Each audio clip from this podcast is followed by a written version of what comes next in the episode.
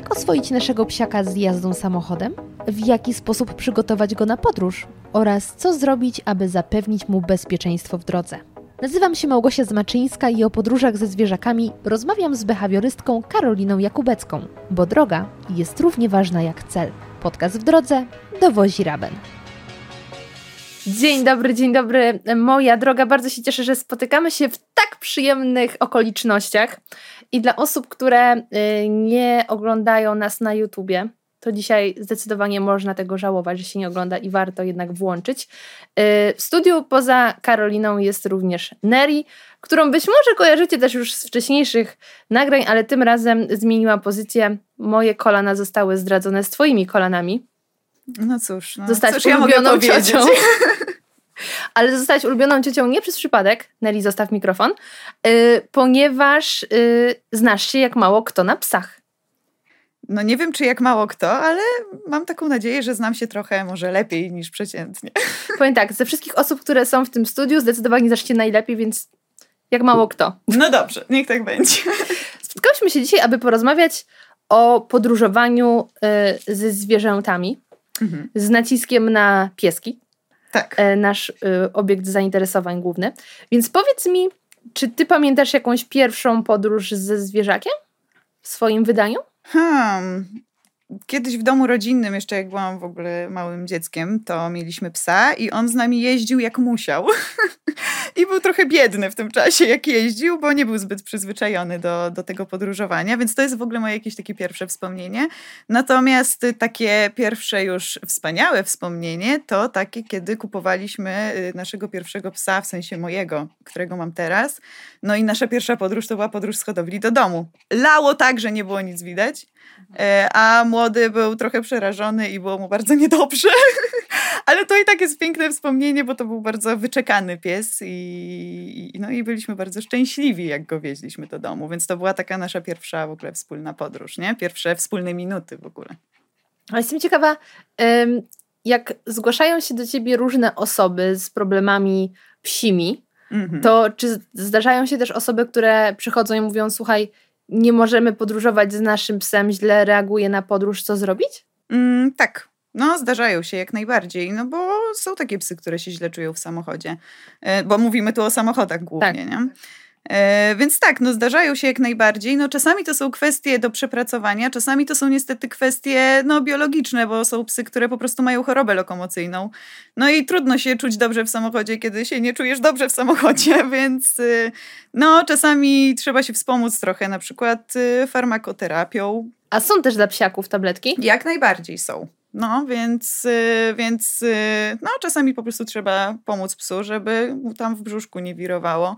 I wtedy dopiero można się zająć tym, że on się po prostu stresuje, nie? No bo jak ma złe skojarzenia z samochodem, no to, to właśnie możemy to przepracować, o ile już nie ma problemów no, takich natury fizjologicznej. Mhm.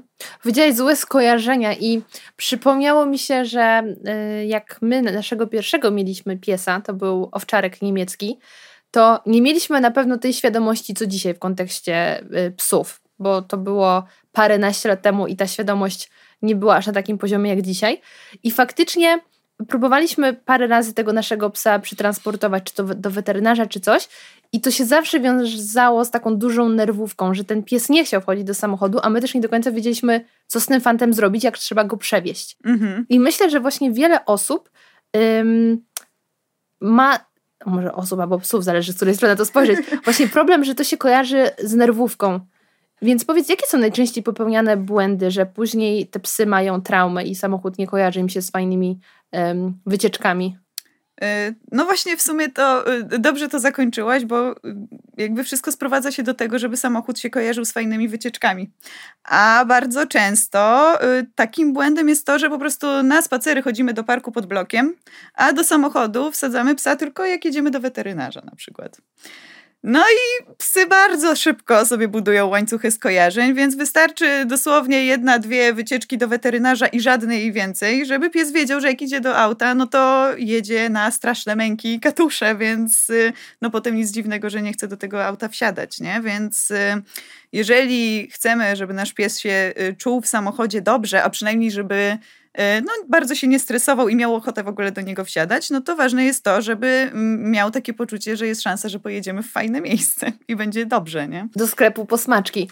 Wiesz co, nie wiem, czy akurat sklep to jest też ulubione psie miejsce, chociaż pewnie dla niektórych trochę też. Natomiast myślę, że no najfajniej no to będzie pojechać po prostu gdzieś na łąkę, gdzieś do lasu na spacer, nie? Gdzieś po prostu w takie bardzo psie fajne miejsce. Mhm. No. A jeśli już mówimy o przemieszczaniu, że powiedzmy stwierdziliśmy, dobra, to nie tylko weterynarz, rozszerzamy tutaj y, zakres naszych wycieczek, to jak uważasz, gdzie tego psa najlepiej przewozić? Czy jednak ym, kupić jakiś kontenerek i do kontenerka, czy niech sobie biega z tyłu po, po kanapie? No biega to na pewno to jest najgorsze, co może być. Um, generalnie jakby y, transport psa powinien być przede wszystkim bezpieczny, nie? I to nie jest tylko kwestia tego, żeby pies był bezpieczny, tylko od tego zależy też często nasze bezpieczeństwo, bo taki pies, który sobie biega luzem po kanapie, y, w chwili wypadku, ale nawet jakiegoś ostrego hamowania, nie? Może po prostu nam przelecieć do przodu przez przednią szybę i nawet taki o mały piesek jak Neri może po prostu lecieć jak pocisk, nie? To przy, przy dużej prędkości, no to, to naprawdę może być niebezpieczne. E, więc z jednej strony to jest zagrożenie dla psa, z drugiej strony taki lecący pies może też zrobić krzywdę pasażerom, nie? Kierowcy na przykład, więc... E, taki pies biegający luzem albo siedzący na kolanach, nie daj Boże, u kierowcy, to jest y, no, najgorsza możliwa opcja. Która zresztą grozi mandatem, a mandat to właśnie, biorąc pod uwagę różne okoliczności wypadkowe, to i tak jest najmniejsze zło z tego wszystkiego, nie? Naj, najmniejszy problem. Um, więc generalnie przede wszystkim transport powinien być bezpieczny. No i powiedziałaś o kontenerkach i faktycznie transportery to jest, myślę, że najlepsza opcja. Um, tylko też, po pierwsze, warto psa przyzwyczaić do tego transportera. Po drugie, warto dobrać taki transporter, który faktycznie będzie bezpieczny, a nie będzie tylko takim trochę luźnym ograniczeniem przestrzeni psa. A jakie to jest bezpieczne? No właśnie, bo transportery są różne, to znaczy inaczej, klatki są różne, e, bo mamy klatki, które są no, taką zwykłą metalową rozkładaną klatką, mamy klatki, które są materiałowe i one w ogóle cieszą się dużą popularnością gdzieś tam w podróżach, bo one są lekkie, łatwo je rozłożyć, wszędzie można przenieść. Natomiast takie klatki raczej się nie nadają do samochodu, bo one y, no, nie są zabezpieczeniem, które właśnie w razie wypadku...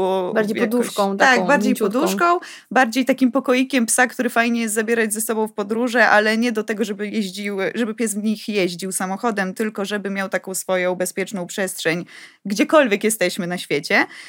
Natomiast takie samochodowe klatki y, są albo plastikowymi kontenerkami i wtedy dobrze, żeby miały atesty, które właśnie zezwalają na transport i które tam no, odpowiadają za to, że ten transporter jest bezpieczny, więc y, tak, trzeba to sprawdzać.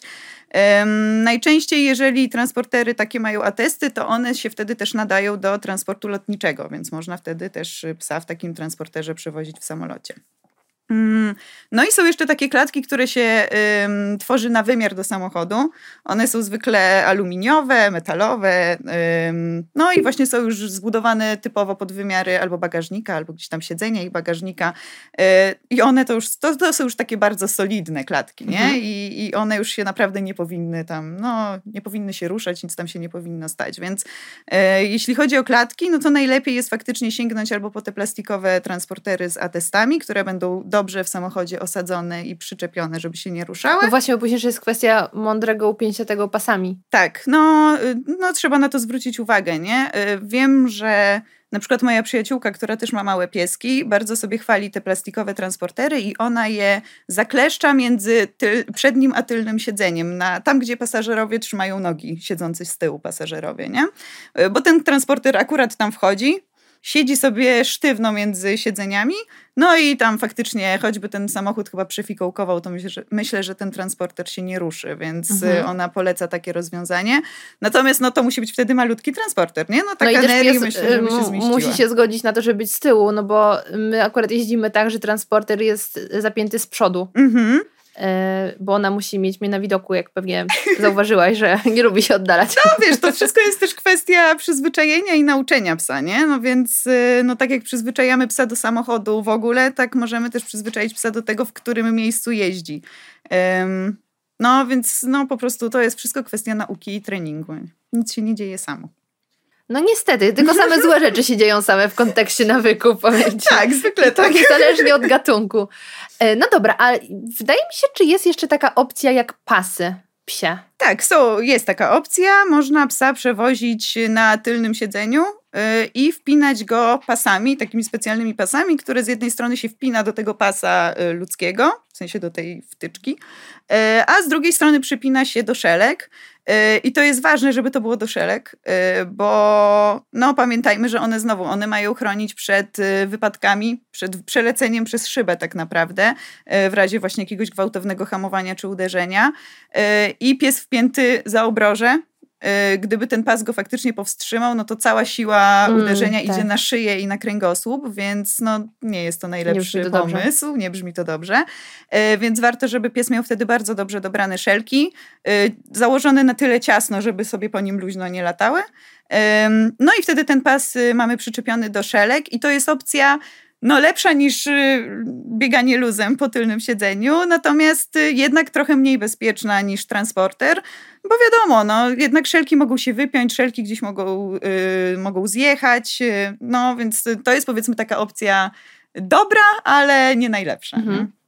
Ale powiedzcie, że ja właśnie ze względu na to, że dużo podróżuję i zazwyczaj towarzyszy mi Neri, no co prawda przypięta do kontenerka znaczy kontenerek przypięty z przodu, mhm. E, ale nie wyobrażam sobie innej opcji, bo po pierwsze ona czasem, nie wiem, próbuje już gdzieś na kolana wskoczyć, ale to ani nie jest bezpieczne dla niej, bo się właśnie przemieszcza, ani bezpieczne dla mnie, bo nie mam już aż takiego ruchu na kierownicy. No dokładnie, a nie mówiąc o tym, że znowu w razie jakiegoś wypadku poduszka powietrzna, tak. a ty z tyłu, to jest dla niej to już jest w zasadzie pewna śmierć. Nie? Dokładnie i jak um, wracałyśmy sobie ze spaceru w tym tygodniu, i w pewnym momencie, Nelly coś poczuła, w pewnym momencie yy, przejeżdża samochód. Znaczy, zanim zobaczyłam, że jedzie samochód, usłyszałam szczekanie psa. Mhm. Się, kurczę, skąd ten pies? Czy ja już mam tutaj mojego psa bronić, bo ktoś nadlatuje?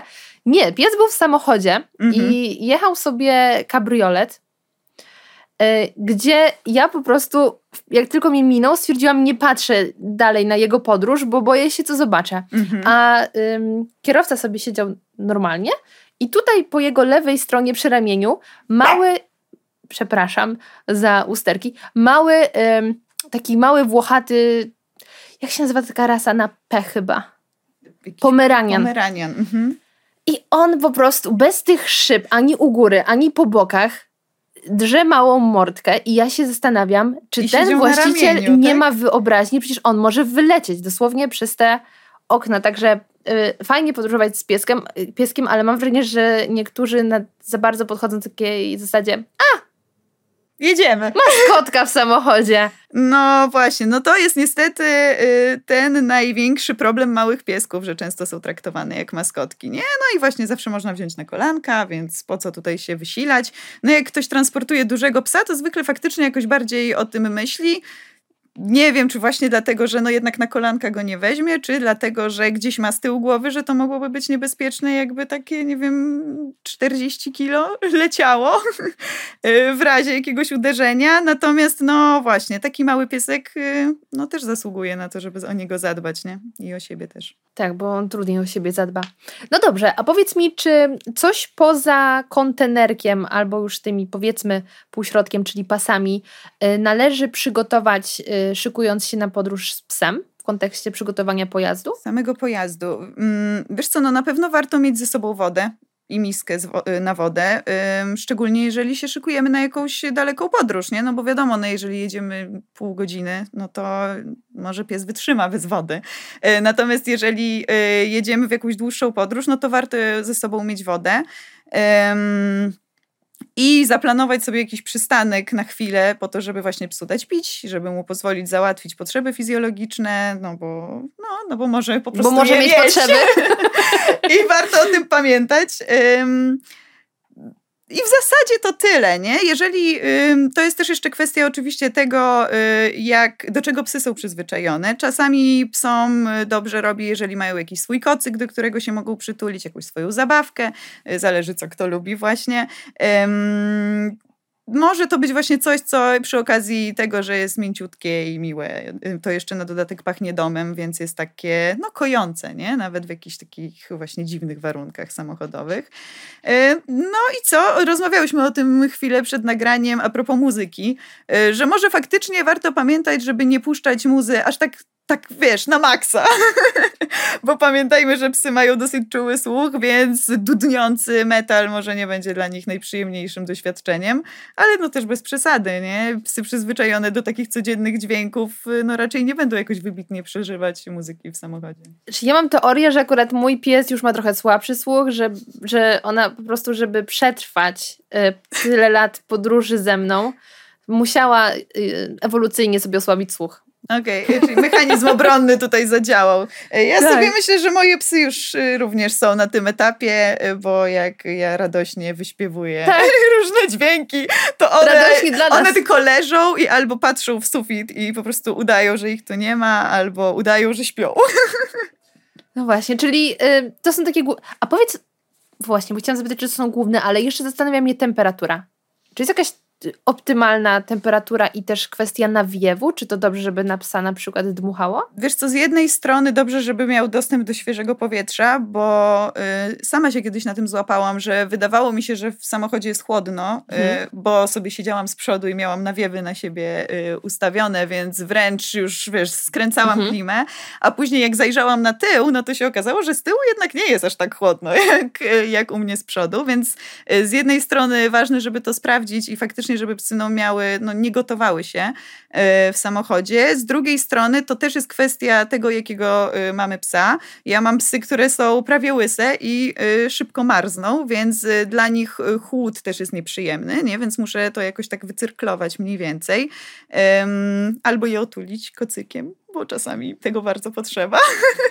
Natomiast jeśli mamy psa futrzaka, no to wtedy raczej trzeba y, zwrócić uwagę na to, żeby było chłodniej w samochodzie, nie? Więc no, to, co jest ważne, to to, żeby zobaczyć po prostu, w którym momencie naszemu psu jest komfortowo. No nie za gorąco, nie za zimno, nie? No a właśnie dużo zależy od tego, y, jak... Jaki jak, mamy egzemplarz. Tak, jaki mamy egzemplarz, jaką ma sierść nasz mhm. egzemplarz, nie?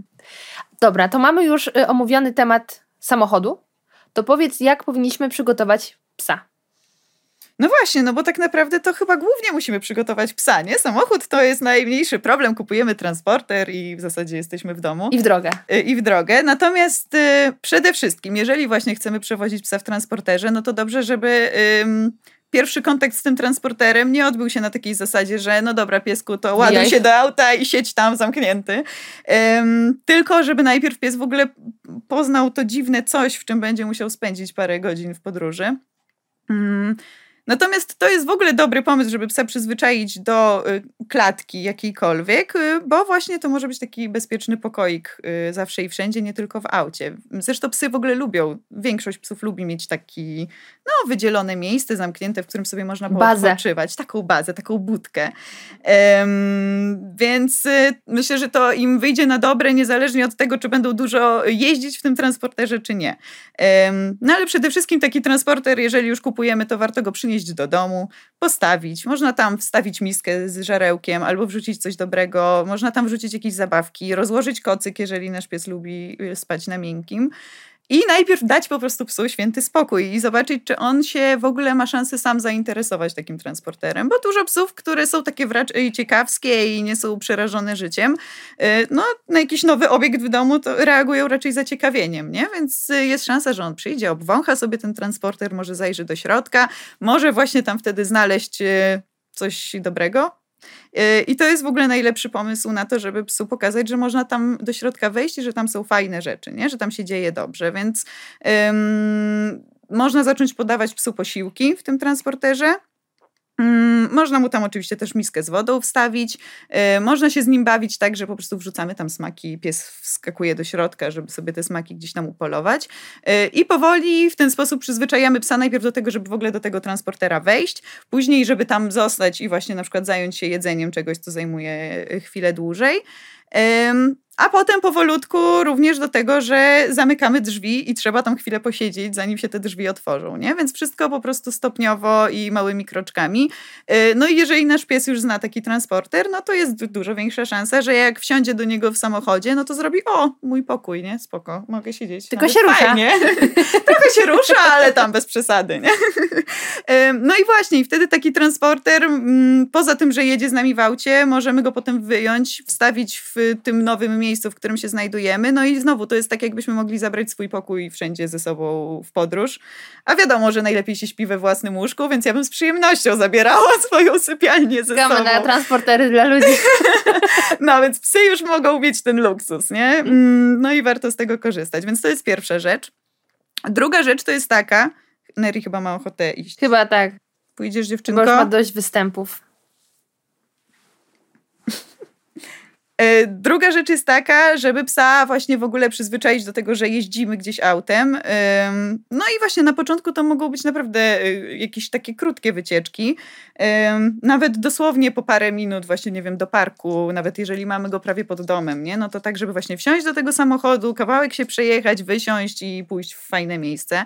E, więc to jest druga sprawa, żeby po prostu go zaznajomić z jeżdżeniem. Z konceptem przemieszczania konceptem się. Konceptem przemieszczania się dziwnym dziwną puszką metalową.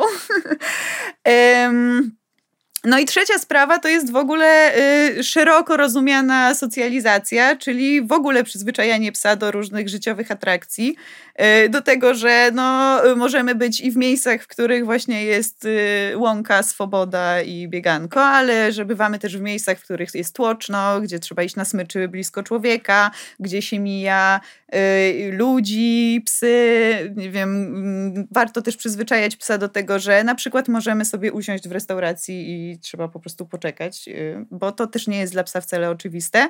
Y, a często jest tak, że no, siedzi sobie ten nasz piesek, chodzi z nami na spacery przez dwa lata, po czym nagle go y, zabieramy do knajpy i się dziwimy, że kurde, nie da się obiadu zjeść w spokoju, bo ten pies ciągle coś chce, nie? Trochę jak z dziećmi, jak się dzieciom nie dostarczy zajęcia, to też się szybko zaczynają nudzić. Tak, y, to prawda, chociaż z drugiej strony, no właśnie, dzieci trzeba zabawiać, psa warto po prostu nauczyć, że y, nawet w obcym miejscu można się położyć i sobie odpocząć. Chociaż wiadomo, że właśnie jakiś dobry gryzak może pomóc, nie? Właśnie dać psu zajęcie i rozłożyć mu tam kocyk i, i niech sobie siedzi, Boże, ma i tam mikrofon. Piknik. I zrobić mu piknik, tak jest. E, natomiast, no właśnie, no bardzo jest ważne to, żeby psy rozumiały, że świat się nie kończy tylko na domu i parku pod domem.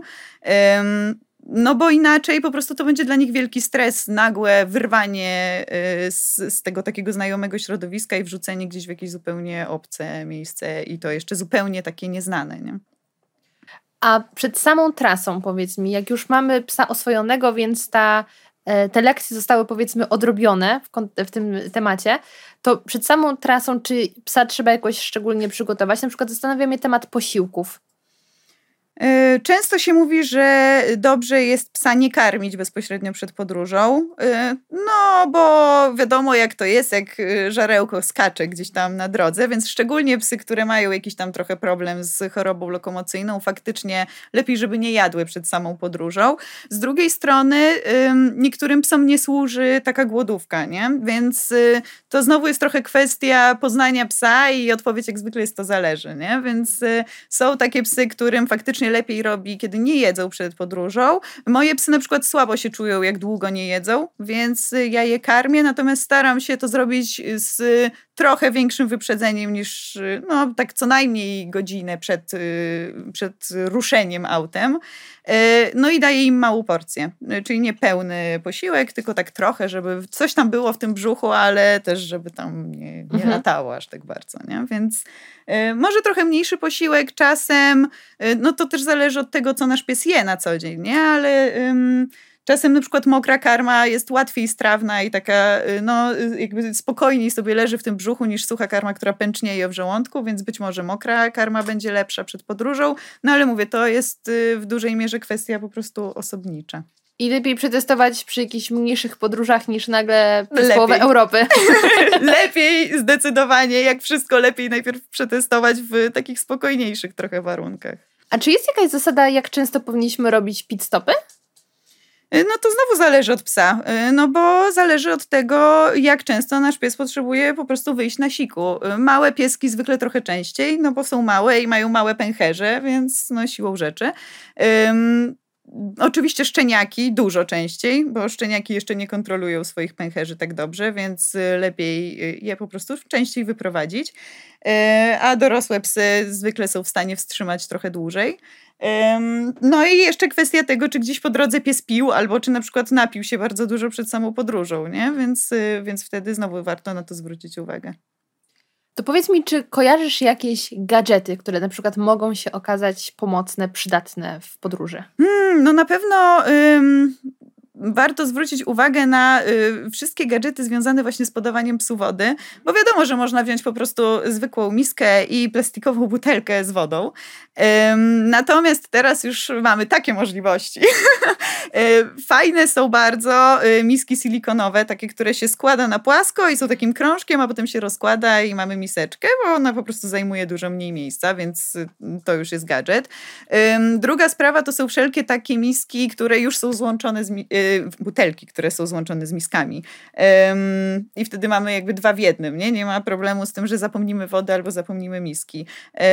Są też takie butelki, które już są termiczne, więc y, mamy tam wodę zawsze świeżą i chłodną, a jednocześnie nakrętka na tę butelkę jest takim rodzajem miski, nie? I ona jeszcze jest zwykle wyposażona w taki dziubek, więc to, czego pies nie wypije, no to możemy z powrotem zlać do butelki i się nic nie zmarnuje. Ostatnio widziałam, słuchaj, taką butelkę na TikToku właśnie było pokazane, że pies sam, kiedy już chciał y, pić, po prostu wkładał w nos w ten dziubek. Mhm. I od razu był znak dla właściciela, dobra, czas, y, pora y, pojenia. Tak. tak.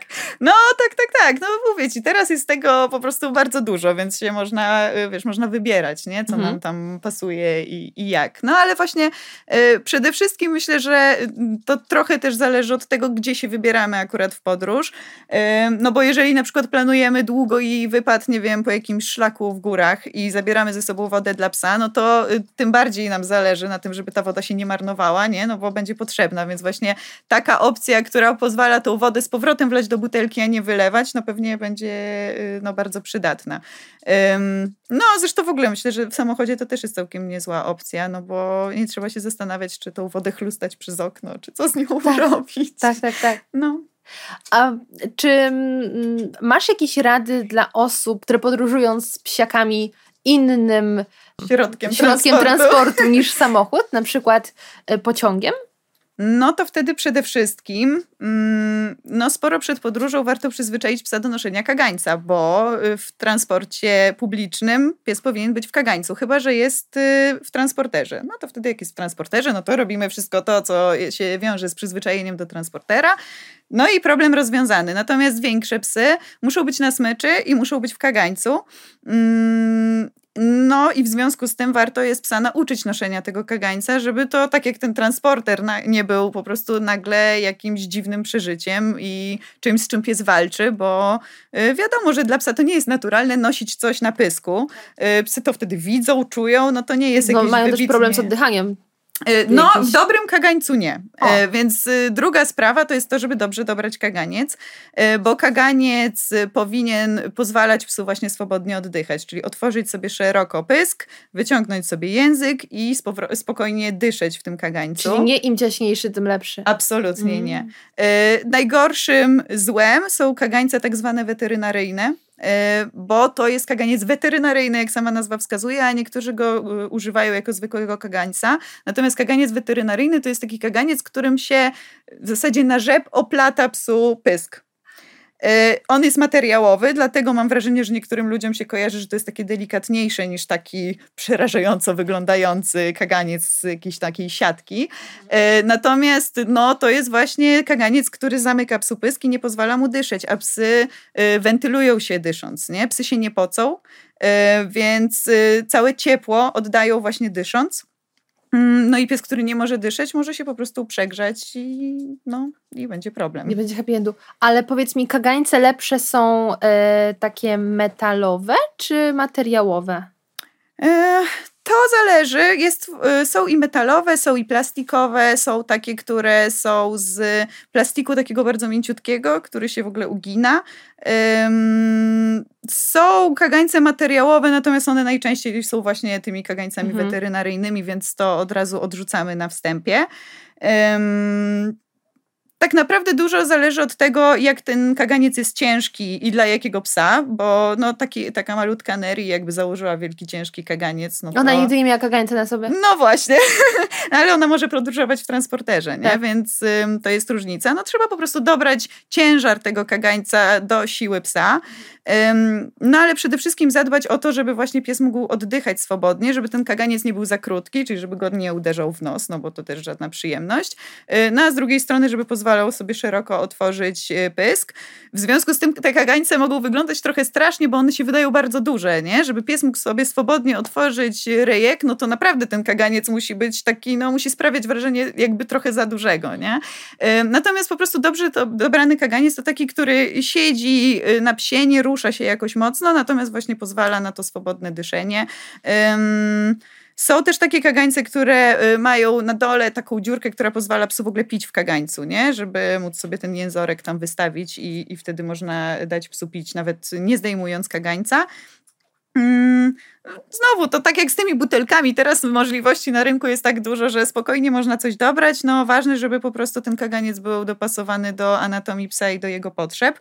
No i ważne, żeby psa przyzwyczaić do noszenia kagańca, zanim mu go założymy na 4 godziny. Bo znowu będzie miał traumę. Bo znowu będzie miał traumę, będzie walczył z tym kagańcem, yy, będzie tłukł się o nogi pasażerów na przykład, żeby, żeby go zdjąć, nie? Więc yy, no, więc znowu, no, nie dokładajmy psom stresu tam, gdzie możemy go uniknąć, bo podróż i tak jest jednak stresującą, yy, stresującym doświadczeniem nawet dla psów, które są do nich przyzwyczajone. Nie? Tak, tak, dużo ludzi, dużo się dzieje.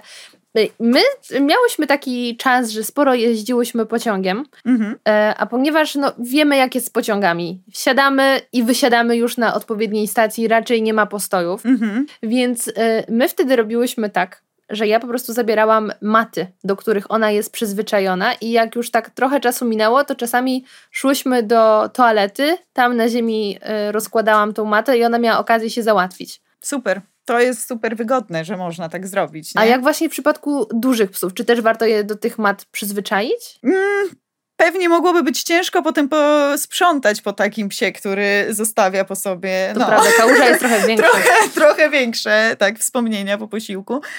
Um, tak, szczególnie, że no mało kto y, przyzwyczaja psa do załatwiania się na maty. Y, to znaczy, często się robi to przy szczeniakach, natomiast potem już się te maty wycofuje, więc y, mało który pies nagle na matę zareaguje takim, o, super, kuwetka. I, tutaj didaskalia, nie mówimy o tym raperze. trochę inna mata. Trochę, trochę inna mata. Um, więc no, nie jest to idealne rozwiązanie, y, chociaż właśnie w przypadku małych piesków może się gdzieś tam sprawdzić. Być może uda się na przykład wysiąść na którejś stacji, gdzie jest trochę dłuższy postój w międzyczasie i, i psa wyprowadzić.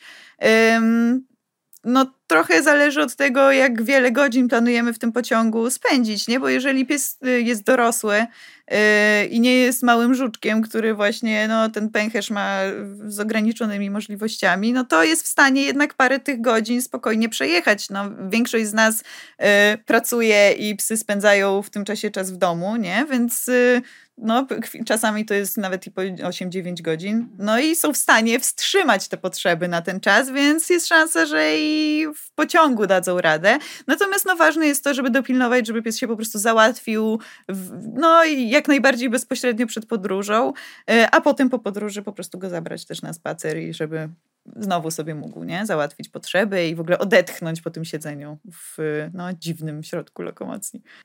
Y, pieski zdecydowanie zdominowały naszą rozmowę, także mm, dla tutaj zasady muszę też zahaczyć o kotki. Więc powiedz mi, czy masz jakieś um, przemyślenia, rady dotyczące podróżowania z kotem? E, ja nie jestem ekspertką od kotów, więc od razu tutaj proszę nie bijcie. E, natomiast tak generalnie i ogólnie rzecz biorąc, większość kotów y, to nie są jacyś wielcy fani podróży. Y, koty się zwykle bezpieczniej czują po prostu w znanej przestrzeni y, i zmiany miejsca są dla nich dużo bardziej stresujące niż dla psów.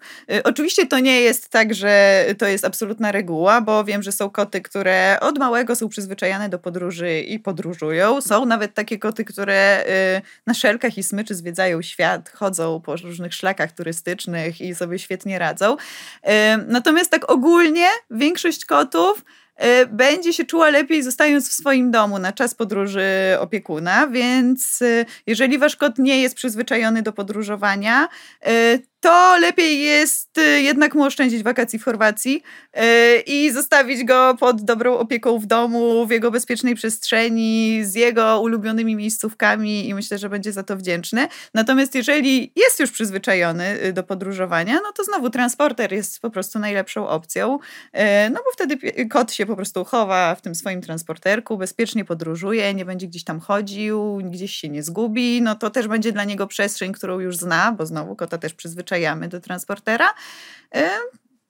I, I po prostu na to stawiamy, nie? No znowu chodzi o to, żeby po pierwsze poznać swojego zwierzaka, po drugie przyzwyczaić go y, od początku do życia, które będzie go czekało i które dla niego planujemy. Y, no i zadbać o to, żeby było bezpiecznie. Czy na koniec naszej rozmowy masz jeszcze jakieś złote rady, y, o których warto pamiętać, poza tymi, którymi już się podzieliłaś? Mm Myślę sobie, że przede wszystkim, jeżeli gdzieś wyjeżdżamy, to y, warto też od razu sprawdzić, gdzie mamy najbliższą klinikę weterynaryjną, y, bo no wiadomo, wypadki i przypadki chodzą po ludziach i po pieskach, więc y, no nigdy nie wiadomo, co się może wydarzyć, więc dobrze jest wiedzieć, gdzie jechać na ratunek, a nie sprawdzać to nerwowo w jakiejś sytuacji kryzysowej.